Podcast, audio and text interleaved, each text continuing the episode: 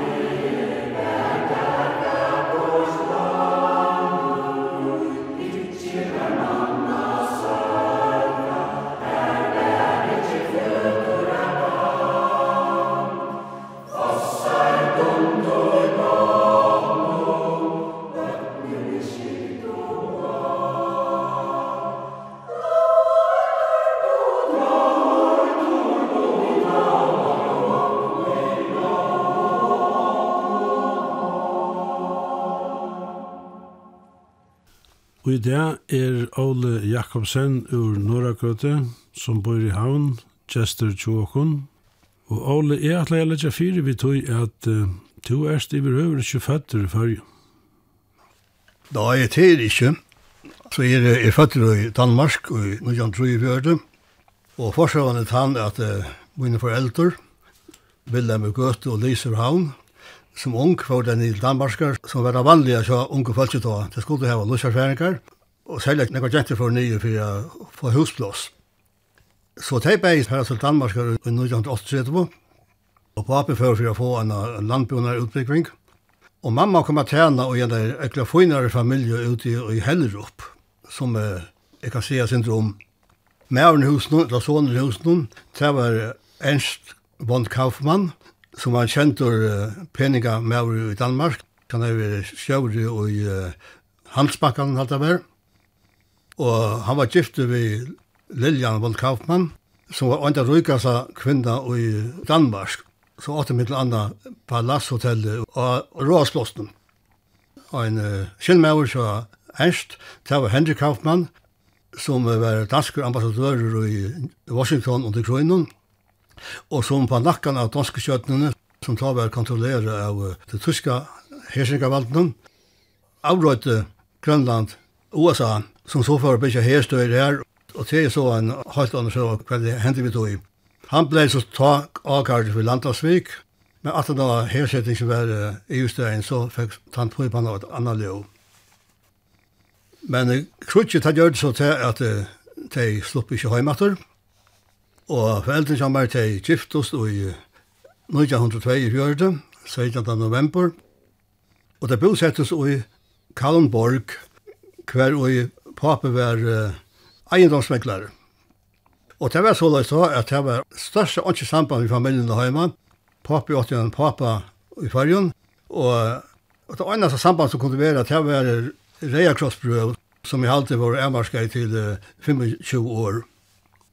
Og da vi kom atle på høyre, så fann jeg et uh, rejakrossbrev som man er finnes fra papaminnen, eller foreldre kommer, så sier til at Åli er en deilig dreng.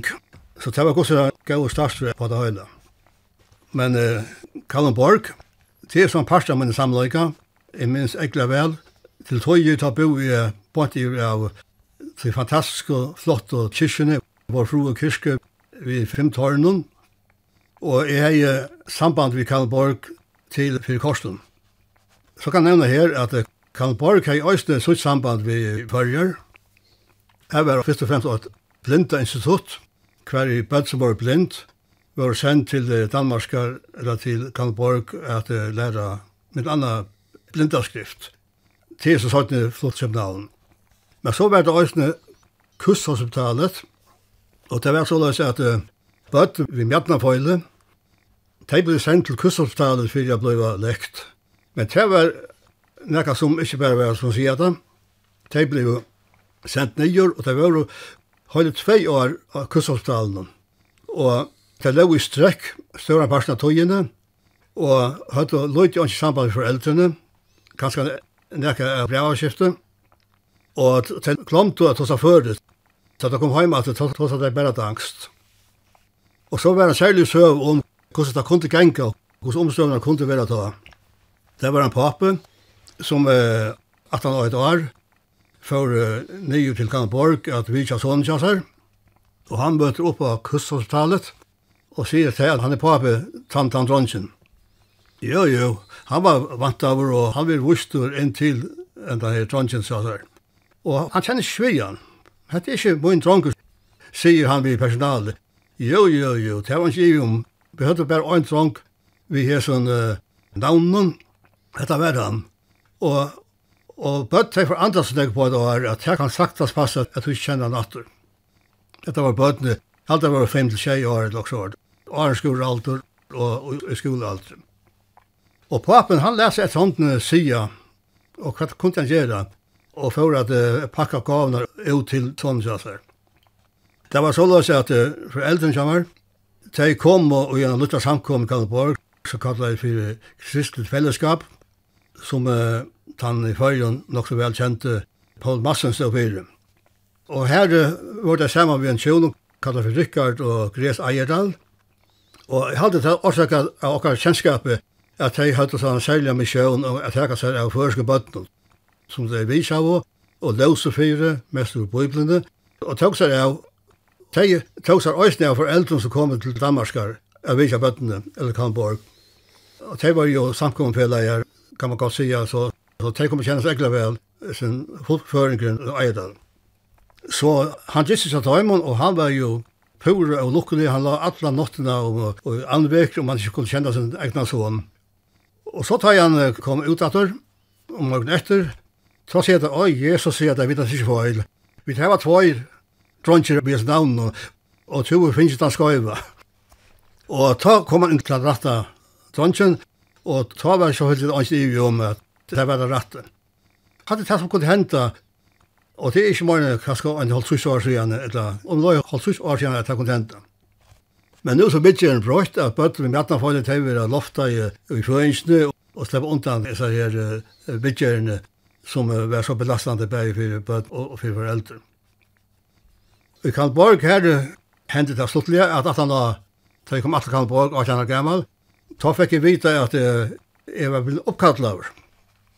Det var en jenta som platt jeg heva med, kom platt jeg heva med hjem til foreldrene, og det helt ut at jeg var så gula fytter, som jeg var ta. Og da jeg, vi flyttet til København, 17 natter, så fikk jeg en sånn, og han ble så kallet for Åle. Etter mer, Og han er i verden fyra år yngre enn jeg. Og de folkene jeg har samband vi, er kommet en til Kalmborg, og følte som en pastor av min identitet. Til en utrolig hundalig boi, særlig at den gamle boier omkring kyrkjene og kyrkjestretet og, og prestegatet og så videre, så videre. Men så hendte det i 45, at da flottet vi til København, og foreldrene som var til flott inn i Torsgate, og i husen til samkommet kallar fyrir den kristne forsamling, som var den øynaste brødsamkomma i Danmark. Fæljon er en egla stør, eller gossi egla kjønlig, men i Danmark var hetta den øynaste samkomman som var. Og fæljon som er teg bo her, og satt der av hølen, og kom til å kjenne öll teg som kom her. Det var samlingsdag fyrir føringar, kanskje særlig under krøyne, men også 18 krøyne, Bæje folk brødsamkommun, kanskje andre vi, De kom i Torskate til møter og andre tiltøk. Jeg var så føtter Trøyfjør, så jeg minnes som så Ankel Krutje. Men jeg kan godt minnes at uh, tysker, det var et avdomlet år. Det var det som var et dansk negativt ladet. Tysker, det var ikke noe man fikk respekt for. Men at han trodde ikke ta kom og rykva tysker tvøtterfølgen til Danmarkar. Og jeg minnes at det var veldig som var mittlen til frivillige, Kjølbåten som tog seg av som tusk flottarfolkene. Og jeg minns øyne som var kettig, og det var så det som jeg minnes til den parten av Hamsunnen kan gå sige. Papi han er jo et uh, godt arbeid, skrivsov arbeid, og de bo godt, de pødde gå og ibo, vi ødlom facilitet og universitet og vesi, alt det som var avkjent til hvordan vi var bygd i førjen da. Så var det det som gjør det månen, og så sikkert det her brått med løsløy. Det var det at pape var arvingur til a feste i gøtum, til kjøttenstofu. Det var ekvillega løyte og ekvillega nekstrui av det, og det gav ikke av seg. Men pape av seg, Ola Jakob i kjøttenstofu, han er ekvillega søvran dent og fetrana arv. Esen arven han er i veri i husen i gosver, til som han var om, i 300 år, og det var nesten et høylagt forpliktelse at det tekkes av fetrana arvet. Og til her så papen min øyne ved samført rom, så at man omgatt blei den større bønden. Han var mer skriv som er som er enn han etter praktiska. Det gjør så til at vi får til Førjar i 1950 i september, og da var det fem sysken, og jeg var tjej år, og en bodje han ble verant etter i havn, så om og appa, og vi andre fører så til Gøtum. Og det var en ordentlig kolvetting, særlig at tja mamma, som bare var vån vi Størbøyer, som Havna og København og Kallenborg, og Hellerup, der funnet huset Hellerup, ikke for gløyma. Mamma var døtt i Malno, og på da skåmakaren. Og som året sier, så var Appen med skåmakare, og det bo i Kondrasbrekko, til som nå er Grum Kampasgøtta. Appen med Polen, han kom faktisk av Selatra, men eh, papjasara Elias var atter av Trødlanes, og var giftet til Selatra. Kona sa døye, Og så skips han opp at vi er en guldbrandsø av Skælingen. Det er så en uh, spesiell søvøysene, tog jeg det pape henne var Andras av Matthaule, som var atta av skoen, og det var sagt at han var forlova over ved Marion nere i Stovo, som var øynes av baden, så han bønta, og ståtla feste, og min Andras ånka gjør åtte. Det var selvfølgelig ikke talt høy inne. Og det enda som vi tog at vi jeg får på dette forholdet, så ble Marion sendt ved en arbeidsjente nord til Norragøtto og Kjøttenstå, Og til lukka skrura vi alt han atlanen. Så hun ble forlovet vi aldra på bøtjamoinen i feiratene, Ola Jakob. Så var byrjan til at jeg fører fem sysken i kjøttenstå til skojar, pluss av sistnabaden Lorvik, så var appe, lenge appel til Håkon Jules. Jeg svikne kjeikren, han fyrir ut av sikla, og han enda i så skjælinje, han gift igjen Antjo, som er vi gift hver fyrir, og det to i toiborar. Så kan man sottlagar fundere i hva det hei hent om uh, etter forhold til sko ikke hei, hei fisk til 1830 så hei jeg neppa vel til. Til Marion giftes inn i fei 18-sjammar, Andras giftes inn i mor atna. Han ble så aldra min. Men amma min, hon var så malla, som man kan sija var hauna folk. Mamma hennar var Isalina, syster Joni Geil og Elsbo Slån, som var gift vi gamla William Slån. Og hon åtte så syster bøtt som Kristian Geil og Peter Alberg og Anders Lom som kvar sær har haft større tøtning i samfellan. Jeg var nok så betidsen av Fyrsta Peter Alberg. For 20 år siden høyte vi denne Atra Voslo, Geila Atra Voslo, og tok ham i samband med Pyrir og til Peter. Ta fikk hendur av dæbøysene av Peter Alberg, som han begynte å skriva 12 år gammel i 1896, og skriva i så som dæbøyge til 1908. Og det viser en drong vi fantastiske nevnden. Han skriva perfekt angst, og han løser løyve som dronje i havn om alle skiftet i 1800 og en måte som ingen annen har vært gjørst av framundan. Til det bøkene har vi så vi i sitt bøk som vi gav ut om Peter Alberg og i Tutsjum. Sorten i atter, han var nek evner, og han var 22 år gammal, ta gjørte han leie til Kjøsansen. Og han så han er så æsne vi tar i bøkene. Så er det Kristen Geil, som uh, vi er kjent som en uh, kolveltliga maur, starta i 1908 Tenkakross som struttist fyrir dem smav i møtan staurum og som hever faktisk grunderlegi fyrir politiske mentanna 17 tøyene. Johnny Geil, han var øyne fantastisk maver, og i år er det 125 år siden at kommunskolen var bygdur, han som er nu er byraskrivstående i Vaklunum, han var så teknaver og bygdur av Johnny Geil, men argumenter så for grådarbeidene. Og som hoksa om havna ta, så hittar vi utrolig avrik å få en sånn bygning oppa standa, og har stand sadvek i Ødlesund stoltløyka. Men uh, Isalina og, og Espa og Jone Tøy var så bøtt seg Paulgeil, som var uh, gifte vi Onno, døtter Andras Arsson. Og Paul Geil har eisne vært en spesiell med tror at han ble kallet for Paul Altring middelfolk, så han eisne vært en andre med Og papi Onno, til den gamle Knud Skåmakeren, som var 8 år hundensjøn, og som er forsvei til alle så knutarna som vi kjenner i havn. Han øyne atter fra tøy første knut som kom til Førjar, nekka nekka med undan til lærerføringar landbruk. Og sysken kja mamma, det var til sammen fem sysken, det var Peter og Knut og Nils Jol Haberg, som er kjente havnamenn, to var av sin øse, og så var det en syster kallet for Lina, men hun tar av kreft, og nå er hun 4 36 år gammel. Men uh, man kan säga till att efterkommande ikke om og pappa nekva at man lever i havn og mynda så for større part havnen og östnit det. Appenboin og Norra göttor eller Jakob var så fyllt som alle er kyrksmöver og i sin tog. Men papi var unga til skips. Han miste mamma sin att han var tvei år gammal og han fyrir til uh, Vox, Harpa i Handle og bo i pappa på sin son Dorius Jakobsen som blei hundra år gammal og som hevde stor at i vei Og ta er det hitte mamma, og ta er det at jeg fer nye, så, så det er ikke herfra jeg har. Og jeg kan godt si at, at Appi han var egentlig negativ om det er vel chips. Det var hardt løyv, øyelig hardt løyv, som alt vidan. Og han ikke ikke så noen etterkommeren, nekka så ringt som han fer chips, sjalt om tingene brøtt og snek, ikke nek hans hardt men i godser at han da. Det var at Appi var ansamhandler i huset, han var ansamhandler, miste konen av langt og tog i hånd og fyrirkjører og gammel, tog på i sinne sånn det var og smådransjer. Og på i sinne tar jeg så bo i Danmark nu og Bøysene under kronen.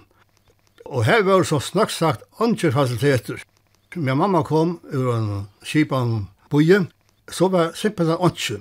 Men, altså med menn tar for å om man fjørna gjør av seg, så her var simpelthen andre utan en krane. Og til å være så fyllt det egentlig hardt, men det er vi hjelp av god og gøy følelse, bei grannen, de Mortansov og familie og øren, så kom vi undan. Men dette var så midt i det gamle Gøte som hon var ta. Og det er Norragøtta inne i delen, som virker som han fremmede boi for meg. Men den gamle Gøte, det er min, min Norragøtta. Her var Blasastova, og her var kyrkjan tatt vi, og her var Klivr Hansar hus, der Hans-Jakob Havstrøm, som ble formet av Fiskermannfellan og Solskøy, boe. Jeg er jo ikke åkne her boe Hans Sina Brønne. Hun var søster Jakob Fredrik Øregård, og det var løy til hus. Vi tar med stove. I æra stovene hei en handel, og handla i fire bodjasøyn. Så her må jeg være trangt ångt i. Og her var han handelen inntil Øregård bygde i 1903 inne ved krossveien. Fyrkort bussene den veien Men ta jeg kom til Fajar, kanskje ut fra vidt at hos at angst heima, så jeg, jeg trodde ikke, ikke åt år føres, jeg trodde bom, og ikke anna. Og til det kunne jeg imponere henne ved at jeg trodde sier bom. Men ikke åt år føres, kan man godt si. Og til jeg gjør det så til at jeg heter alt min normalt, så hei fra skola i 1900-talsvis, jeg var seg om jeg bo i Danmark eller i Førjen, men jeg fyrir så ikke skola for en år etter. Vi kom til i september, og i feiren fyrir man skola til Gossir Gøto, fyrir man skola påskon, så jeg måtte boja etter påskir i 1951. Og jeg gitt til at uh, det har vi happa over. Folk hadde ikke nek forsvarelse for det danske bøttene som ville lære seg førest, og, og sier man om man måst, eller papetost, så var man levera over. Men uh, jeg minns ikke til at jeg var happa over. Sjåttan sikra vi er nekka. Det er ikke noe som jeg går over kjørt man for seg. Men det er kjøttet de lærte først, som er føringer, og da kom jeg til å ta angst som en føringer. Så jeg var så i skola av påsken og noe annet Vi begynte vel i gamla skola, som det ble kattlet. Og lærere her til var så Helge Øregård, som var gift i Jakob Fredrik Øregård, som var kjente politikere, begge ta og sånt. Jeg bor i skolan. Og minst at jeg henne bare fra at uh, at han kunde ta en og och ta min stadig vekk så han kunde utgröna ytskikarna eller sanchinar så Michel og Ritchie som dömes i vad han kan man säga man ta min Og så at han var första til andre klassen så får man igjen i Nutja skola Og her var det Jakob Simonsen som var fisklärare Og han var uh, versjoner som Paolo Konoj som var en ekla kjente føringer til i bare som form av i Fiskmannafjellan, som tok stig til sånne Fiskmanfellet, og han var formar i lærerfellan, og han var løktig som er, og nek og anna. Sversson Hassar Tjavær, så Jakob Simonsen som var i Ragnhild, som var i Kila først. Og hinn læreren Tjavær så Paul Eno Kansen, som er jo vært lærer av Viarøye med en person av lønnen, og som nå vil enda sin karriere i Gøte, og har bygd seg hus i Gøte. Og jeg kan godt si at her, at Paul Ena han har lært meg til som jeg do i føreskån. Han er egentlig gav lærere og gruntier og jeg gir hon ærene for tog hvis jeg i dona, kan man godt si. Gav til, til bøklig fag, rokning og skriving og lesing, kanskje bedre enn henne, men pura ikke øren. Kreativ fag, det var sanger og tekning og filmlag og svimming, dutte simpelthen ikke til. Jeg spalte ikke fotball, det satt hukt i et. Og det var mest av bøklige som jeg är ahua och i under badna og Aron så minns jag en testentante ja. Og så var han alltså då så jag fyllde 21. august og ta var alltid hodging. Jeg kan godt si at det er min hodging som man har marra. Jeg så ikke så større fløtene som skulle slåast og väntas og torskast og alt det här. Det skapa ordet depresjon. Jeg kunne anka hana føringar det, tog at man hodja ikke av viltis. Men det 1. august, 1955, ta var sunnedavur, og ta ble ikke viltis ikke hodja, og ta kom til hana føringar det. Jeg minnes at jeg holdt tøyde, jeg gav 6 dronjen, og fikk 6 kroner, det var taksten ta for føringarskapet. Og nek var 17, 20 år 17, da jeg møtte konemoen Kristin. Så visste jeg seg at hun var født akkurat den dagen. Og en av det som hun kunne halda føringar det.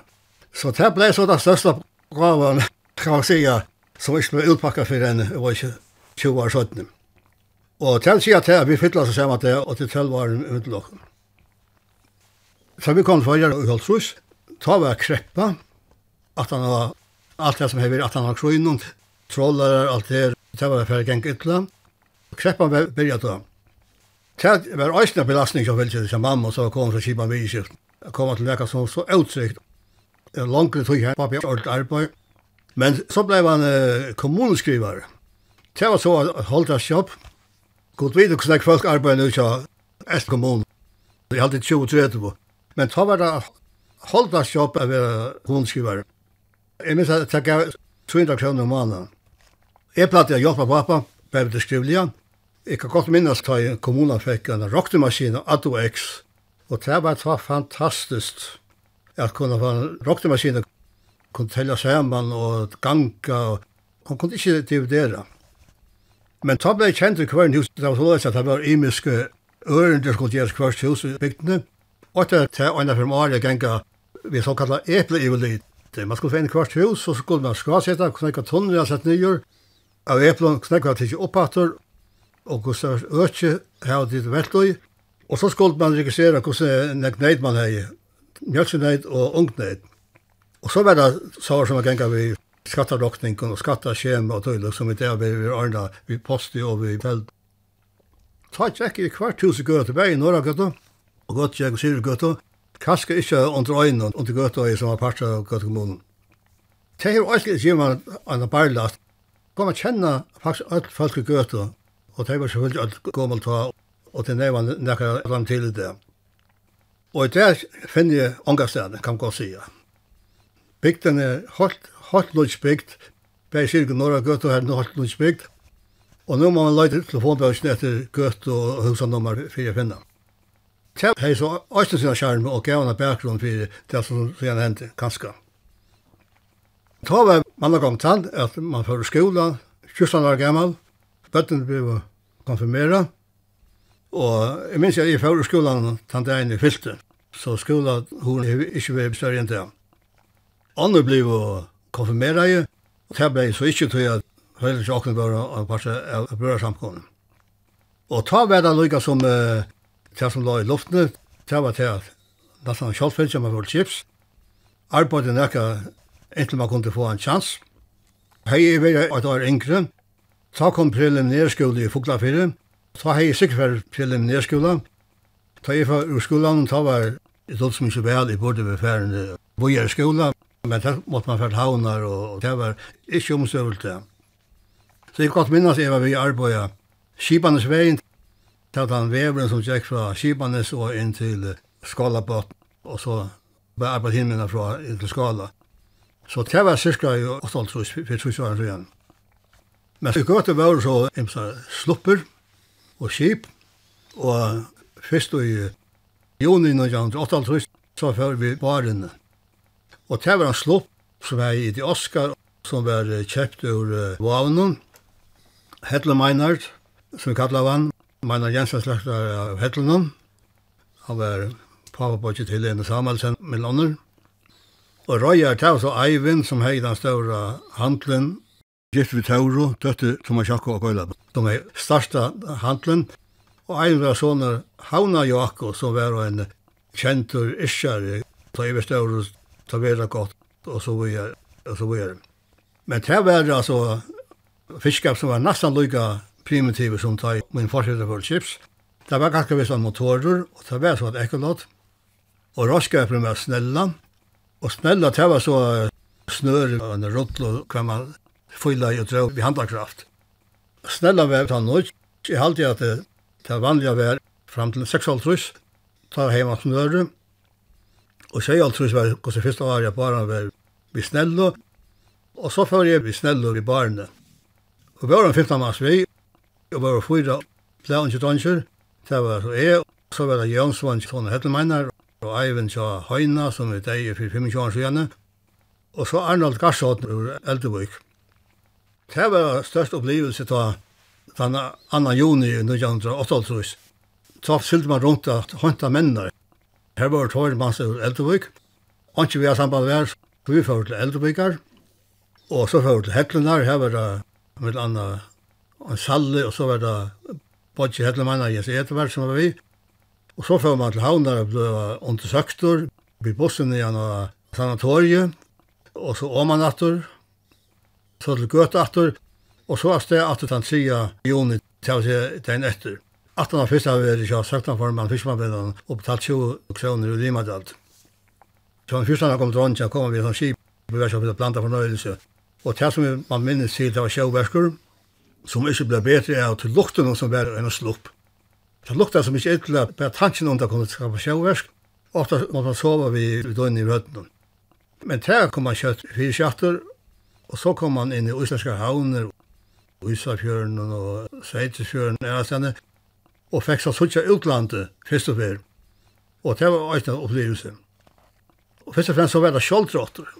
Ta var kjoldrotter via færsøvna, og jeg minnes at jeg fikk 2020 fiskar, som var nekka det samme som Arnold i Eldrebæk her i Finnsjø, og sendte minne. Og avroktingen var så 800 kroner, Og det var slett ikke gale sånn unge dronje på at da. Men jeg råkna etter antall fisk som han fikk.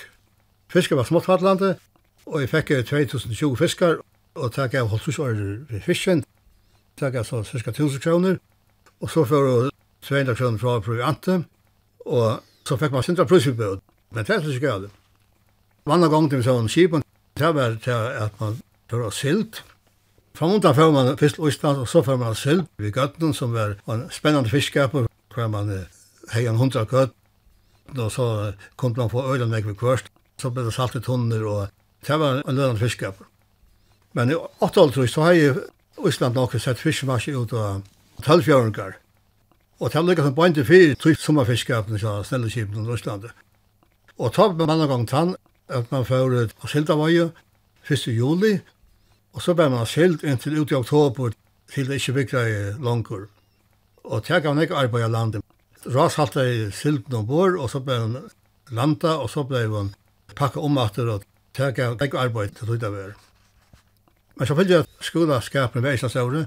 Han var uh, seks år, og sint morgen til. Og alle hadde så trang til å få en nekka vujere. Og det fleste ta halte i fjord og, og ha skola. I Danmark, selv i Danmark. Det var så å si at man fikk jo sluttning. Sluttning som sverre til kostnaden av Haskolan, og så fikk man også sluttning som sværa til ferieutdørsler. Så faktisk kom man ferdig av Haskolan uten at det kostet i nekka særlig. Og i Bittelfart her var så en fiskerihøyskole, som var baseret på fiskemenn og bøtene ur fiskemann og heimen. Jeg var så mye interessert av fiske, ved at er var av fiskerihøyskole. Her Peter Gamborg Nilsen var sjøret, og som nok snakke føringer var av til tøyene. Han var en grundvigianer og man holds, og til som han bøyde fyrir til høyskolen var til at han var nok hatskull mot heimamisjonene. Nekker fiskir med heimamisjonsmenn og ville så kjente sin bøtten og ta skolen, og han lukka i tøy nok så kjøtt. Men her lærte man så også hoksa og, og tøylukt. Så kom jeg heimatur, så var jeg ved, ved Imeskon Kipon, løgneskipen, og som sagt det ble til kraftlokkaskip, var ved grunn kampan, tøyna salskaturen til hånden, og så ble han ombygd til, til kraftlokk. Så var vi Ingrid Pau. Det var greker som menn i Gøte som hadde løya Ingrid Pau, som først var brukt til utdraver. Og da var det kraftlokket var uh, framtøyen.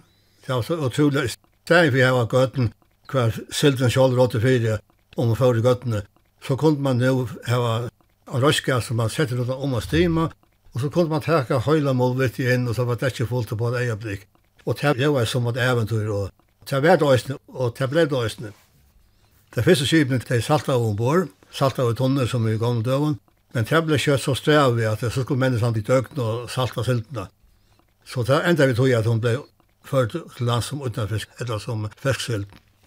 Men så bygde det Ingrid Pau om til kraftblokk, Og jeg var så vi her og Tyrskøy. Luttle Peter kallar vi, Per Thompson. Han ble kallar Luttle Peter, til han er så som kallar vi Per Gregersen, på oppi Åttena. Og for siden er så kallar man Per for Luttle Peter. Du nevner til at uh, du varst nærkere av de seneste saltfiskaturen ved lønneskipen og grøy med kampan. Hvordan gikk det? Ja, jeg vet hva turen vi, og det var noen forutruss. Den første turen tar var Wolfgang Andreasen skipare, Og det gikk som det kunne genga, ta i tøyene. Altså, det var vi saltfiske vid den Lundbak, og det gav øyla løyt. Jeg minns jeg var vi havørnen i Tveitrus, og inntrykket var 25 kroner om dagen. Men vi var i Grønland og Newfoundland og kom hjem etter, og da vi skulle fra sted, altså, det var ta i togene, ta i da første årene, var gravgenger etter å kleppe ved Lundeskipen, tog det var høy prestige, men så kom det så nekve Lundbak at det så av folk, Og en båt var ikke råkna for manna, og hvis ikke var 26 mann, så vi en liten båt. Men uh, Wolfgang sett seg ikke fyrir at det få manna, grunn kampan atter, så det gjør det best med arrangjonen sjån og Brynjolvor Petersen.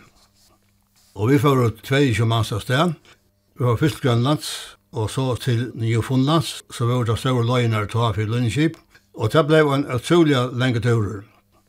Og i dag er det Haksamarsk, Jeg hadde til tvar måneder at man kan være bostor, men det var bare ikke fiskarøy. Det ble sett og sett og dri og dri og det om det og det om det, og moralen faktisk var sin fattel ombord. Og det var ikke finnes sånn at det var noen at man ikke få sindra fiske. Så vi kom alltid til jævla ta i høyrtrus, og ta i turen varst i fem måneder under primitiven vidskiften. Det er skipene var åkna for å framkommet ta, men ta var tvei vese, Og Åtte ivemennar her atre, tar var vanliga tjei i tale, og i råkna kokkadansjen. Her framme var òsne åtte vese, og det var råkna til, til seitjamans, og det var ein brusa i kvarjen sted. Så det var ikke så øyla framkommet i mån til sluppen her, og, og spesielt ikke mån til skipene det er hver det er, og faktisk det flottare enn passasjerskip. Og tannturen gav seg fyllt ikke større pengene i kurset ikke per det. Men det ble kurset av minnelige turer, Og her var sammen med en arke, Olaur. Han var kokkadronker og vi tar så kjens søgjent til ham. Og hvordan utviklingen var det, kan man sige, for det første til vi barene, her var ikke kommet noen vese. Fasiliteten til var tver spanner, ånden var til skrell nede i Lugarno, og hin var til Bukkum. Og det var kjøtt at jeg var søvna. Men uh, Ingrid Pau kunne teka 120 tonsa uten av fiske, og det skip som nu er i flåtan oppkjøret skip, til å teka så hvis ikke 4000 tons. Så nek hef det utvikla seg. Og med man fyrr, så under deg jeg fyrr fyrst at salta siltna, med så gjerne jeg kører på kassar og tøylukt, så blir alt pumpa bæg om bor i land om man er ikke størst. Det er sånn utvikling som man eh, nå kan beskriva, men tar man opplever det, så er det nok uveldande. Hatt det så til inntil Fishmanvillet. Var du ikke nirri onktu?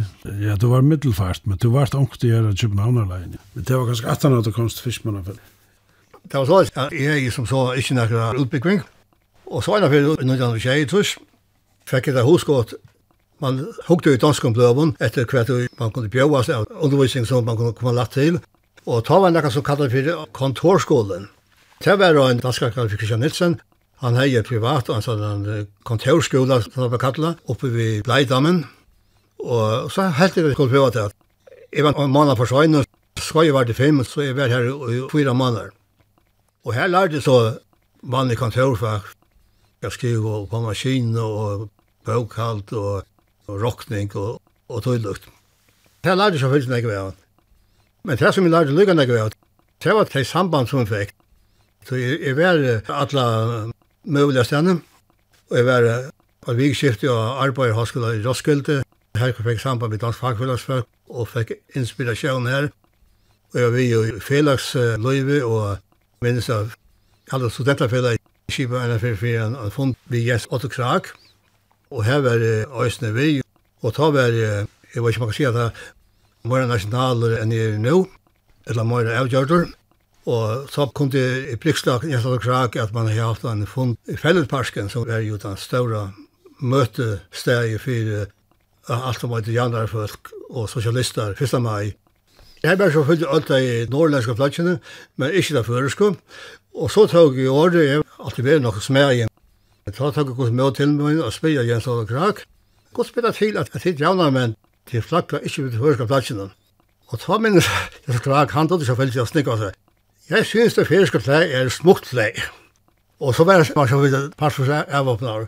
Og nå skal jeg sørge for at det blir klei med det feriske klei i fremtiden. Men uh, om det ble til at det var slett ikke. Og det var nok så stortet. Det var Halder Holm ved Røysene. Den kjente danskaren som var bækere i Klagsvøk. Og det viste seg at det tar Torbøy var ungdomsvinner fra Halder Randes som javnarmenn. Og tar så fylte Det var kamrater og tar halsvänd og, og, og tar prata och samman. Så krak var i fargen og i kvörnsus. Ta hei kjöldbro som ta var av fattande fote. Skriva til dig, jag satt och krak, att nu kommer till färger och jag vill gärna ha prat vitt. dig. Jag satt och krak och säger till att programmet var så fyllt at till oss fyra, men han kunde komma vid til reception som han hejer flåböteltan for oss teater. Men så ringa tog jag, jag så krak tar alt ikkje, så han var høyen, ta var han hemma og vise Halderholm. Jeg kan ikke utfra tro at han var Kjølbro og en sånn støv og at uh, Krav kunne ikke gjøre for. Men jeg minns egen Johan som var her, og, og her var alt det som var ute av her var mest der første åreskiftet. Og tog blei han tog inn i København, ekkelig og etjan fyrir tja som uh, vi er i hendene. Og et annet som er sånn rønda i gøtskola, det gjør man vanlig ikke i bygdaskolen. Altså i gøtskola lærte man ikke engst, det gjør man nok helst ikke øren bygdaskolen. Så jeg ville gjerne lære meg engst. Så jeg meldte meg til at uh, malskøy i England. Og det var så i 8000. Jeg tror ikke så god være engst. Men jeg klarer meg og lærte på seks viker nøklunde at jeg kunne klare meg og enskom. Det er så også var uh, spennende her. Fikk jeg viner. Akkurat som jeg stadigvæk er, viner med meg. Og en ungarere som er nødjan og har til kolvet, ikke var i Ungarn nødjan 6,5 var her Og vi har haft samband til det ene der, og jeg er vidtjende unger, og han er vidtjende i vørgen. Så man har lukket som vi ut i omsø og søkt ære løyer enn det som er det vanlige. Og til så følger det alltid øyblåse til til det som er vi er hent. Oh.